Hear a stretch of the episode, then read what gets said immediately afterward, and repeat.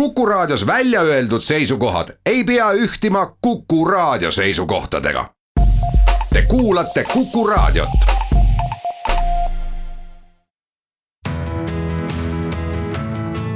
kuku Raadio nädala kommentaar.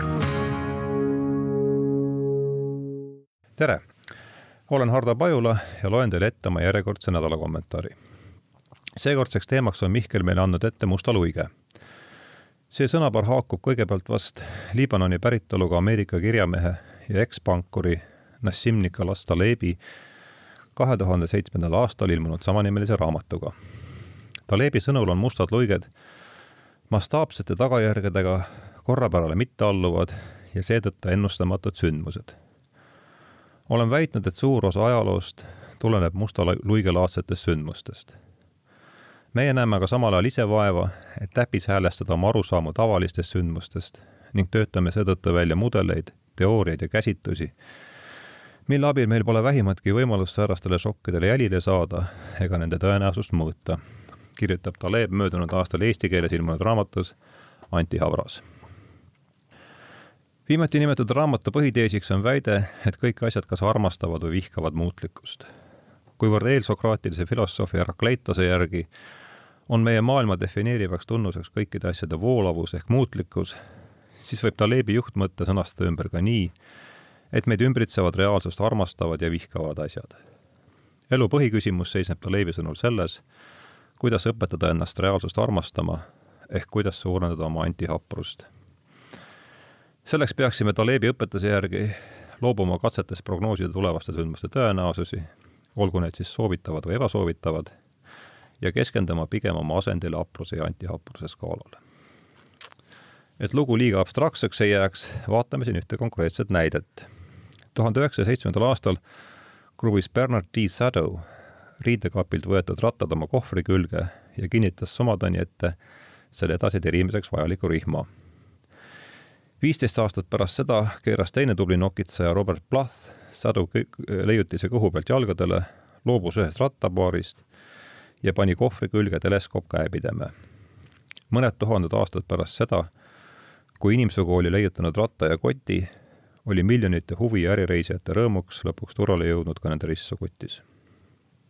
kuid kõnealune tehnoloogia on lihtlabane ainult tagasivaates, mitte ettepoole vaadates, noomib Nassim Taleb meid õigustamatu üleolekutunde eest seni sikutasid kõik teadmispõhisusest ja innovatsioonist patravad õpetlased oma teadmispõhjatuid kohvreid läbi lennujaamade terminaalide, ilma säärasele ebaolulisele logistilisele probleemile tähelepanu pööramata.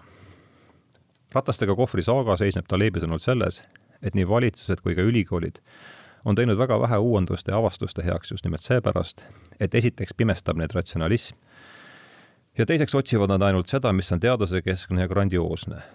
veerev pagas ei paku huvi sest lihtsuse eest loorberipärgi ei jagata. vaadakem kahte tüüpi teadmisi, kirjutab Taleb alapeatükis Nõukogude Harvardi ornitoloogia teaduskond. esimene tüüp ei olegi õieti teadmised, selle hämar loomus takistab meil seda seostamast teadmiste range definitsiooniga. see on pigem teatud asjade tegemise viis, mida me ei oska selgelt ja ühemõtteliselt sõnades väljendada. kuid mida me sellegipoolest kasutame ja kasutame hästi.